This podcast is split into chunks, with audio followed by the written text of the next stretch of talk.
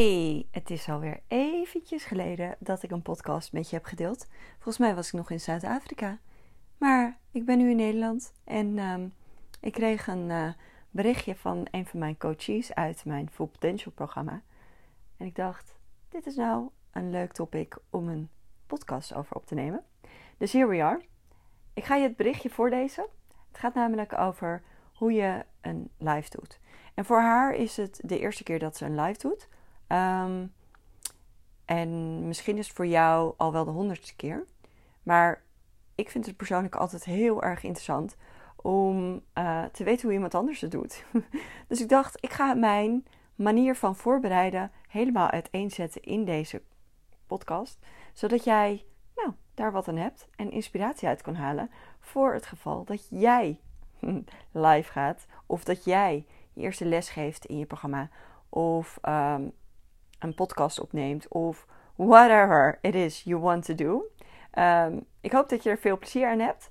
Uh, laat me even weten wat je bracht. Als je een uh, DM op Instagram wil sturen, vind ik dat altijd superleuk. En nog leuker vind ik het als je uh, de podcast even deelt met jouw publiek. Ik merk dat de podcast op die manier veel meer nieuwe luisteraars krijgt. En dat ik dan ook weer um, nieuwe mensen in mijn in mijn publiek krijg. Dus ik ben altijd heel erg dankbaar voor de mensen die de moeite nemen, als ze er wat aan hebben, om uh, de podcast te delen. Dus, alright. Oké, het berichtje, ik noem haar naam even niet, want uh, ik weet niet of ze het uh, vervelend vindt of spannend vindt ook dat ik deel dat zij die vraag aan mij heeft gesteld. Um, dus dat wil ik altijd respecteren. maar goed, iedereen, um, iedereen zal dat herkennen. Dat je denkt, oh nee, nu word ik helemaal blootgesteld aan iets. Of misschien vindt het wel spannend überhaupt al dat ik dit zeg. Um, maar dat maakt helemaal niet uit, want daar ga je gewoon doorheen, lief schat. Um, ik vind het zo spannend om vanavond voor het eerst live te gaan in de training. Ik weet aan de ene kant wel dat, ik het, dat wat ik ook vertel, dat het goed genoeg is. En aan de andere kant heb ik wel genoeg in huis. Bied ik wel genoeg waarde. En dan zo'n smiley met een uh, tongje eruit. Nou, volgens mij heel herkenbaar, deze gedachten. Heb jij nog een goede tip voor de live? Schrijf jij van tevoren wat uit? Visualiseer je alvast hoe het gaat? Hoe pak jij zoiets aan? Allereerst wil ik even op het gevoel ingaan dat je opeens denkt: bied ik wel genoeg waarde? En dat is een gevoel, en ik gooi even al mijn spirituele, spirituele gedachten erin. Uh, dat is een gevoel die komt van de human mind, zeg maar. Dat jij als eerste starten met het um, idee bedenken van hé, hey, ik ga dit doen, dit wordt fantastisch, ik weet dat ik mensen kan helpen. En dat gevoel, dat is zo zuiver, dat is zo jij, dat is zo wat van binnenuit komt, dat gevoel van yes, ik ga dit doen, yes, ik uh, heb wat te bieden, yes, ik wil de wereld een stukje mooier maken, yes, ik kan mensen helpen, yes, ik, ik heb iets meegemaakt waardoor ik andere mensen handvatten kan geven. Um, dus dat idee, hoe dat is ontstaan, dat komt vanuit je higher self eigenlijk. Zeg maar, dat komt vanuit, um, vanuit je, je ziel, je spirit. Maar vervolgens komt je human mind in plaats en die zegt: dit is niet, uh, dit is niet helemaal de bedoeling, weet je wel? Want uh, je hebt geleerd eigenlijk dat je wel heel wat moet zijn, wil je iets kunnen overbrengen aan iemand anders. En uh, wij hebben allemaal vanuit het systeem natuurlijk geleerd dat uh, opleidingen, dat, dat je van alles moet en moet kunnen voordat je iemand, iemand bent. En voordat je dus waardig genoeg bent om iets aan een ander te leveren, zeg maar. En dat is wat we geleerd hebben hier in, op aarde, zeg maar. Van oké, voordat jij iets mag, moet je iemand zijn. En dat iemand zijn voldoet aan een aantal eisen die van buitenaf zijn opgesteld. En dat is not true. Dat is iets wat je aangeleerd is door, door ons allemaal, weet je, onze, de maatschappij. Dat, dat we dat hebben aangeleerd, daar is een ieder schuldig aan, zeg maar. Um, en dat is de, de zonde dus, waardoor mensen niet doen waar hun kracht ligt. En niet doen waar, um, waar ze goed in zijn. Dat ze zich kleiner houden. Dat ze niet durven. Dat ze, omdat society heeft aangeleerd dat we ja, uh, volgens een bepaalde norm moeten leven en dan iets kunnen. En dat is zonde. Maar het is heel erg logisch dat je dat voelt. En ik heb nog steeds, als ik lives ga doen, kan ik absoluut nog steeds een heel erg scary gevoel over me heen krijgen. En kan ik heel erg denken: oh help, vinden ze me wel interessant? En straks zitten ze. En dan kan ik bezig zijn met, nou ja, als ik een spontane live doe of zo, kan ik bezig zijn van: oh, gaan de volgers, hoeveel volgers komen erbij? Hoeveel volgers gaan er af? Terwijl als ik in mijn kracht zit en als ik echt goed bezig ben, dan ben ik daar niet mee bezig. Ben ik alleen maar bezig met de klant. En dan uh, ga ik als een speer. En dan zie ik alleen maar dat volgers blijven en erbij komen. Volgers blijven en erbij komen, weet je wel. Dus zodra ik dat los kan laten, gaat het goed. Maar je hebt het gevoel van shit, ik voel me kut. Ik, um, alle emoties door mijn lijf, alle spanning giert er doorheen. No, it's normal. No, it's, weet je, dat, dat gebeurt bij iedereen. Dat is helemaal oké. Um, maar weet ook dat je dat gevoel er ook even moet laten zijn. En dit komt een beetje vanuit hetgeen wat ik heb geleerd van Touch of Matrix. Is dat wij als mensen gaan wij heel snel weg van dat wat niet prettig is. Um, dus als het niet prettig voelt om iets te doen, dan gaan we, gaan we dat gevoel niet eerst voelen. Nee, dan gaan we gelijk alles doen om ons maar niet zo te hoeven voelen. En wat gebeurt er dan? Je voelt je misschien beter, maar daaronder zit dat rotgevoel, zeg maar. Dus wat ik nu doe, op het moment dat ik denk: help, ik moet nu live, help, ik moet, is ga ik naar het gevoel wat ik voel toe in mijn lijf. Ik ga zitten. Ik ga eventjes voelen waar het zit. En misschien ben je nu aan het autorijden en denk je: oh, no time for. Maar her, herinner je dit dan, als je ergens voor staat, ga je in het gevoel hangen en je gaat helemaal voelen wat er te voelen valt in je lijf. Want, want het zit ergens in je lijf. Je voelt misschien je, dat je buik heel erg gespannen wordt. Of je voelt misschien in je keel, voel je dat er een soort brok in je keel, alsof je, zo'n zo beetje een gevoel wat je krijgt als je moet huilen of dat het vast zit. Um, je voelt misschien in je borstkas, voel je spanning, zeg maar. En dat wil je helemaal niet voelen, dat weet ik.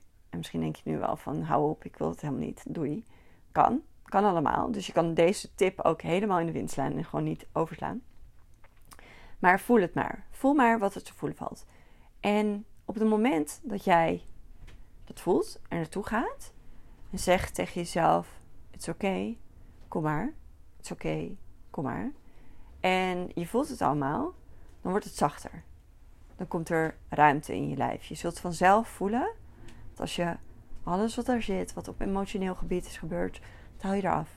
Alles wat er zit, wat op mentaal gebied is gebeurd, haal je eraf. Want er zijn altijd onderliggende gedachten, onderliggende verhalen, onderliggende trauma's, blokkades die daarop naar boven komen. De angst om gezien te worden is een hele grote angst. Dus je gaat er naartoe. Je voelt alles wat er te voelen valt en je zegt: Kom maar. Je gaat er even voor zitten. Dus nood strek hier even een half uurtje voor uit om echt in het gevoel te hangen. Oké? Nou, hopelijk is daarna het gevoel een beetje weg. Maar misschien is het er nog wel. Dat, eh, dat is bij iedereen anders. En alles is oké, weet je wel. Don't fight it. Dat is een beetje wat ik wil, wil zeggen hiermee. We gaan het snel bevechten. En daardoor uh, maken we het eigenlijk, het, leggen we het nog dieper in onszelf. Dus op het moment dat jij dat hebt gevoeld, dan um, om weer in de good vibes te komen, ga bewegen. Ik ga dan soms even een dansje doen en helemaal bedenken van uh, wat is de vibe van het gesprek wat ik aanga. Soms heb ik een gesprek dat ik echt Weet je, over Own It bijvoorbeeld. En dan ga ik dansen en dan zet ik een sexy nummer op. En dan ga ik helemaal los. ga ik helemaal sexy voor die spiegel dansen. Dan ga ik helemaal los daarin. En uh, like nobody's watching. En dat ik dit al vertel aan jou, dat denk ik al van, ah, maar boeien. Oké? Dus ik ga helemaal eventjes een soort van in de vibe komen van waar mijn talk over gaat. Dus wat ik, wat ik wil uitdragen in mijn talk, wie ik moet zijn om mijn talk succesvol te maken, dat ga ik doen. Um, vervolgens ga ik dat doe ik niet altijd. Maar dit is een tip voor iedereen, voor alles wat je spannend vindt. Is dit de tip die ik al wel vaker vertel, is visualiseer hoe je eruit komt. Moet ik eigenlijk vaker doen, want dat doe ik eigenlijk niet zo vaak. Visualiseer hoe het gesprek, hoe die live eindigt. Dus op het moment dat je eruit stapt, welk gevoel heb je dan? Gevoel van, yay, yes, het ging zo goed. Mensen stuurden me allemaal berichtjes van, dit is fantastisch. Ik ben zo blij hiermee, dit heeft me geholpen. Wauw, dankjewel. Uh, another level, noem het maar op. Visualiseer dat eventjes. Zie al die berichtjes eventjes voor je dat ze binnenkomen. En um, voel wat je voelt op dat moment dat dat gebeurt. Weet je, ga even helemaal in dat gevoel hangen van yes, yes, yes, yes, yes. Oké?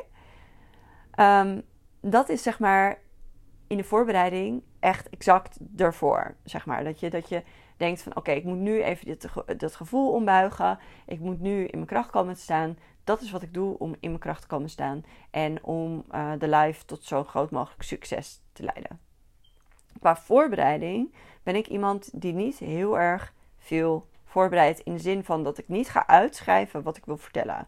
Want als ik ga uitschrijven wat ik wil vertellen, dan kan er van alles misgaan en dan raak ik daarvan, van mijn apropos.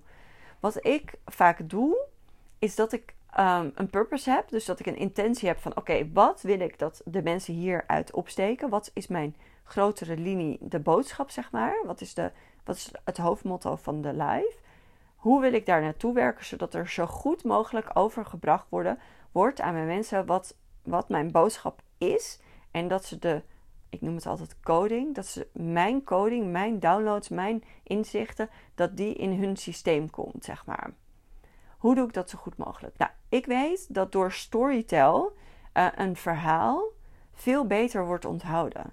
Dus dat um, doordat je een eigen verhaal hebt meegemaakt, waar een emotie op zit, want emoties zijn ook manieren om, uh, als, ja, weet je, als jij uh, het ontbijtje van vorige week dinsdag, weet je niet meer wat je hebt gegeten waarschijnlijk, tenzij je elke dag hetzelfde eet. Maar weet je niet meer exact te herhalen wat daar gebeurde in dat ontbijt met je kinderen en weet ik veel wat. Maar stel, stel, um, er barst één kind in huilen uit omdat ze geen zin heeft om naar school, omdat ze, weet ik veel, gepest wordt of whatever. Uh, die kloppen we even af. Maar dan opeens kan je herinneren wat jij dinsdag hebt gegeten. Kan je veel makkelijk bij die portal in je hersenen om dat te onthouden. Wat ik wil, is dat als ik een talk hou, wil ik dat die impact maakt op iemand. En wil ik dat ze denken van, oh, die les die zij heeft gehad, die wil ik dat ze overgebracht krijgen. En als ik de les vertel van, nou, A plus A is B, weet je wel. Of ik zeg, um, stel je voor, er ligt een beekje hier uh, met allemaal water. En um, dit is natuurlijk niet echt een voorbeeld, maar um, nou, zeg maar het voorbeeld wat ik gaf en het meer. Ik hou mijn eigen verhalen er heel erg bij. Dus ik, ik zeg bijvoorbeeld persoonlijke verhalen ook. Wat ik met mijn man meemaak. Wat ik met mijn kinderen meemaak. De lessen die ik via mijn kinderen leer. Bijvoorbeeld dat ik uh, Olivia, mijn dochter, leerde zwemmen. En dat ik daarin haar ging vertellen uh, ik kan het. Dus dat ik daarin gedachten in haar hoofd stopte, ik kan het. En dat ik continu zei, ik kan het, ik kan het, ik kan het. Omdat ik weet hoe belangrijk het is om jezelf te herprogrammeren. En op het moment dat je komt vanuit een programma wat je in je hersenen vast hebt gelegd van ik kan, ik kan het niet, zul je veel minder snel leren zwemmen. Dus ik zei in het zwembad, zij sprong in het water en zij zonder bandjes. Ik had geen bandjes mee de eerste dag en toen moest ik haar wel helpen. En daardoor kwam ik hierachter dat ik dit bij haar dus ook ging doen, wat ik ook bij mijn coaches doe. En um, ging continu tegen haar zeggen: Ik kan het. En ik kan het. Ik zei expres niet: Je kan het, omdat het dan is: de moeder wil dat je het kan. Nee, ik wil dat de gedachte op haar harde schijf komt: Ik kan het. En dus prentte ik dat erin. Ik kan het, ik kan het. Ik ben rustig, ik ben rustig. Want ik wilde ook dat ze rustig bleef. Als ze bijvoorbeeld water inslikte, wilde ik dat ze rustig bleef. En dat ze zegt tegen zichzelf, ik ben rustig. En op het moment dat je zegt tegen jezelf, ik ben rustig, dan word je rustig. En op het moment dat je zegt tegen jezelf: Ik kan het, dan kan je het. In ieder geval veel sneller dan wanneer je zegt: Ik kan het niet. Want in beide gevallen heb je altijd gelijk. Als je zegt en gelooft: Ik kan het. En als je zegt en gelooft: Ik kan het niet. En misschien kan je het nog niet, maar je zult, je zult iets sneller kunnen. Zij gaat sneller leren zwemmen op het moment dat zij het geloof heeft dat ze het kan. Dus op het moment dat ze geloofd heeft van ik kan het, zal zij veel sneller leren zwemmen. En binnen een paar lessen, lessen, twee, twee haakjes, van twee, nou, vijf minuutjes, kon Olivia vet goed zwemmen. Weet je, ze zwom echt als zo'n kikkertje naar de overkant. Terwijl daarvoor, dat was echt nog heel erg onstuimig en onrustig, zeg maar. En ik heb haar niet verteld hoe ze haar benen moest doen. Ik heb haar niet gecorrigeerd of zo. En daardoor leert ze heel snel wat ze moet doen om het te kunnen. En dit verhaal weet ik zeker dat veel meer landt dan wanneer ik het abstract ga zeggen. Abstract van, oh ja, als je tegen jezelf zegt, ik kan het of ik kan het niet.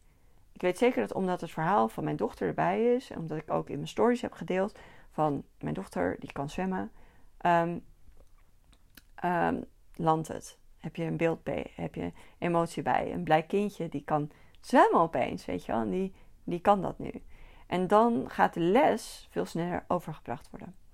Dus wat ik doe, is ik heb dan ongeveer drie of twee of drie verhalen in mijn hoofd die een les over kunnen brengen.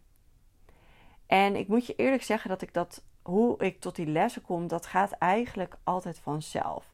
En dat komt omdat ik niet krampachtig op zoek ben naar de lessen, maar omdat ik vertrouw dat de lessen, lessen of de, de, de ideeën in mijn hoofd opkomen. En wat ik eigenlijk doe om dat op te wekken, om die ideeën in mezelf op te wekken, is gewoon in het bos gaan wandelen. Ik wandel altijd als ik een, een training of een live wil doen of een echt impact wil maken, dan ga ik even in het bos wandelen en komen daar altijd ideeën in mijn hoofd. Omdat ik dan, als ik loop, ben ik niet met dingen bezig, echt expliciet. Dus ga ik vanuit mijn hoofd naar mijn hart. En op het moment dat je in je hoofd zit, kan je eigenlijk geen fantastische dingen bedenken. Maar op het moment dat je in je hart zit, kan je echt waanzinnige dingen bedenken. Het punt is wel dat je moet durven. Je moet durven je plek in te nemen. Dus je verhaal moet belangrijk genoeg voor jou zijn dat jij denkt: dit is belangrijk genoeg voor iemand anders. Dus je moet daarin jouw verhaal en wie jij bent durven te claimen. Weet je wel? En wat, wat jij leert. Ja, ik vind persoonlijk, als ik in het bos loop en ik krijg al die gedachten en ik krijg al die, ja, ik noem het altijd downloads, dan denk ik, ik ben geniaal. Ik denk echt de meest fantastische dingen. Dus daardoor sta ik ook met kracht mijn verhaal te vertellen en met overtuiging. En daardoor landt het ook bij iemand anders. Daardoor ehm, raakt het mensen. Maar die ownership heb je nog te nemen. Um, dus schrijf ik wat uit. Ik schrijf dan die lessen uit. En dat, dat heel kort. Heel kort. En wanneer ik dan, ik ga dan ook weer onder de douche staan, komen er ook weer ideeën. En dan kom, ga ik even, s ochtends lig ik gewoon in mijn bed eigenlijk, gewoon een beetje nog te liggen. En dan komen er ook weer ideeën.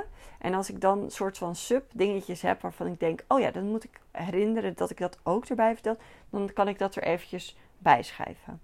Maar mijn verhaal is altijd een verhaal wat ik heb meegemaakt. Dus mijn verhaal is niet een soort van ehm, ingewikkelde formule of zo, weet je wel, waarvan ik denk, ik moet dit onthouden. Dus het is niet dat ik hoef na te denken over wat gebeurde er daar allemaal, weet je wel. En als ik eenmaal zit en ik geef een live en ik zit in de goede vibe, dan komen ook die ideeën. Want laatst, een tijdje terug, had ik een live. En toen opeens kwam ik uit bij een les die ik kreeg toen mijn eerste zoontje geboren was, Tom, mijn enige en eerste zoontje. En die kwam tot me door het verhaal wat ik aan het vertellen was. En dat was het verhaal van dat je met manifestatie natuurlijk heel veel dingen naar je hand kan zetten. Maar dat het, dat het life throws sometimes things at you die jij niet van tevoren hebt bedacht of die jij, die jij graag anders had willen zien. En toen ik beviel van Tom, toen had ik dus bedacht dat ik een um, ontzettend mooie hypnobirthing bevalling deed. En dat had ik helemaal voor me gezien. En um, dat ik in een uh, hotel ging en dat ik een soort van zuchtend en stralend mijn baby zou verwelkomen op deze aarde. En uh, daar was alles op ingezet, weet je wel. Ik had echt zoiets van, nee, al die mensen die vertellen dat het zwaar kan zijn om een kind op de wereld te zetten, die geloof ik gewoon niet. Want mij is verteld dat het heel makkelijk en heel fijn kan zijn. Daar geloof ik wel in. En ik heb die kracht, dat dacht ik. Um, nou, je hoort hem al een beetje aankomen. Toen um, ik ging bevallen van Tom, was het een bevalling van 36 uur. En toen ik 1 centimeter ongeveer ontsluiting had, dacht ik natuurlijk al dat dat kind eraan kwam. Omdat ik totaal niet voorbereid was op het feit dat het best wel pittig kan zijn, een bevalling. En ik dacht echt, ja, maar ik ben toch diegene die alles naar de hand kan zetten. Ik ben toch diegene die alles kan manifesteren wat ze maar wil. En ja, dat verhaal kwam tot me in een masterclass die ging over, um, over manifesteren en dat je het soms niet in de hand hebt. En dat soms het zo is dat je iets wil in je manifestatie of in je werk, dat je meer wil, weet je wel. En dat je grotere dingen wil. Dat je um, een bepaald bedrag wil verdienen. Maar dat je dan ook klaar moet zijn voor dingen die er gebeuren, die die niet helemaal. Ja, weet je dat er ook eh, een negatieve kant aan kan zitten, weet je wel? Als jij meer geld gaat verdienen, zullen er mensen zijn die, daar, uh, die daardoor getriggerd worden. En die daardoor hun zegje daarover willen doen. En die, uh, die reacties kunnen jou pijn doen. En misschien onderbewust hou je dat grotere geld wat je wil verdienen tegen, omdat je weet, je onderbewuste weet dat je daar klaar voor moet zijn. En misschien ben je daar wel helemaal nog niet klaar voor. Dus op die manier vond ik dat een hele mooie anekdote in, in, een metafoor. Uh, voordat sommige dingen niet helemaal gaan in het leven zoals jij wil. En die verloskundige die toen na de bevalling met, naar mij toe kwam om een praatje met mij te maken, die zei toen: Misschien is dit jouw levensles. En toen dacht ik nog, I don't get it, weet je wel. Toen dacht ik, wat kom jij nou vertellen? Jij weet helemaal niks van manifesteren, weet je wel. en toen tijdens die live, die masterclass, kwam dat soort van zoef, in één keer die les naar me terug. Weet je wel, van, oh, oké, soms gooit het leven je lessen toe, die niet liggen in lijn der verwachting, maar wel die je weer een verdieping geven op waar je naartoe mag gaan. Dus die dingen komen ook tot je, maar daarvoor moet je wel open gaan staan. En de eerste keer dat je een live doet, ja, dat is gewoon spannend en dat zal misschien niet helemaal gaan zoals verwacht. Is dat erg? Is dat erg? Nee. Elke keer word je beter. Dat is super mooi. Elke keer word je weer beter. Ja, volgens mij heb ik alles wel een beetje verteld van wat ik doe. Dus hoe pak ik zoiets aan? Ik ga. Als ik een idee heb voor een masterclass, dan ga ik gewoon eigenlijk vanuit rust ga ik uh, bedenken waar het over moet gaan. En ga ik um, bedenken ook of er een opdracht aan vastzit, bijvoorbeeld een dagopdracht. En ga ik gewoon kijken van oké, zo kan ik het verhaal maken. Dit is belangrijk om te vertellen, dit is belangrijk om te vertellen.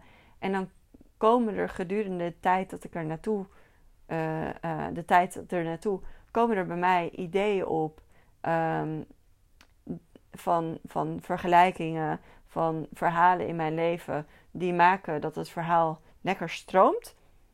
En um, om de spanning tegen te gaan, ga ik dus eerst even de spanning voelen. Daarna ga ik kijken in welke vibe ik wil komen voor mijn live. Ga ik kleding daarop aantrekken? Ga ik een dansje doen in diezelfde vibe?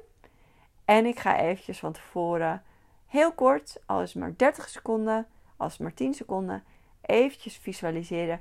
Hoe stap ik deze live uit? Hoe voel ik me dan? Wat voor berichtjes krijg ik dan? Hoe blij ben ik dan? Hoe trots ben ik dan? Alright, dat was hem. Ik hoop dat je er heel veel aan hebt. En ik ben benieuwd wat je gaat meenemen in jouw eigen presentatie.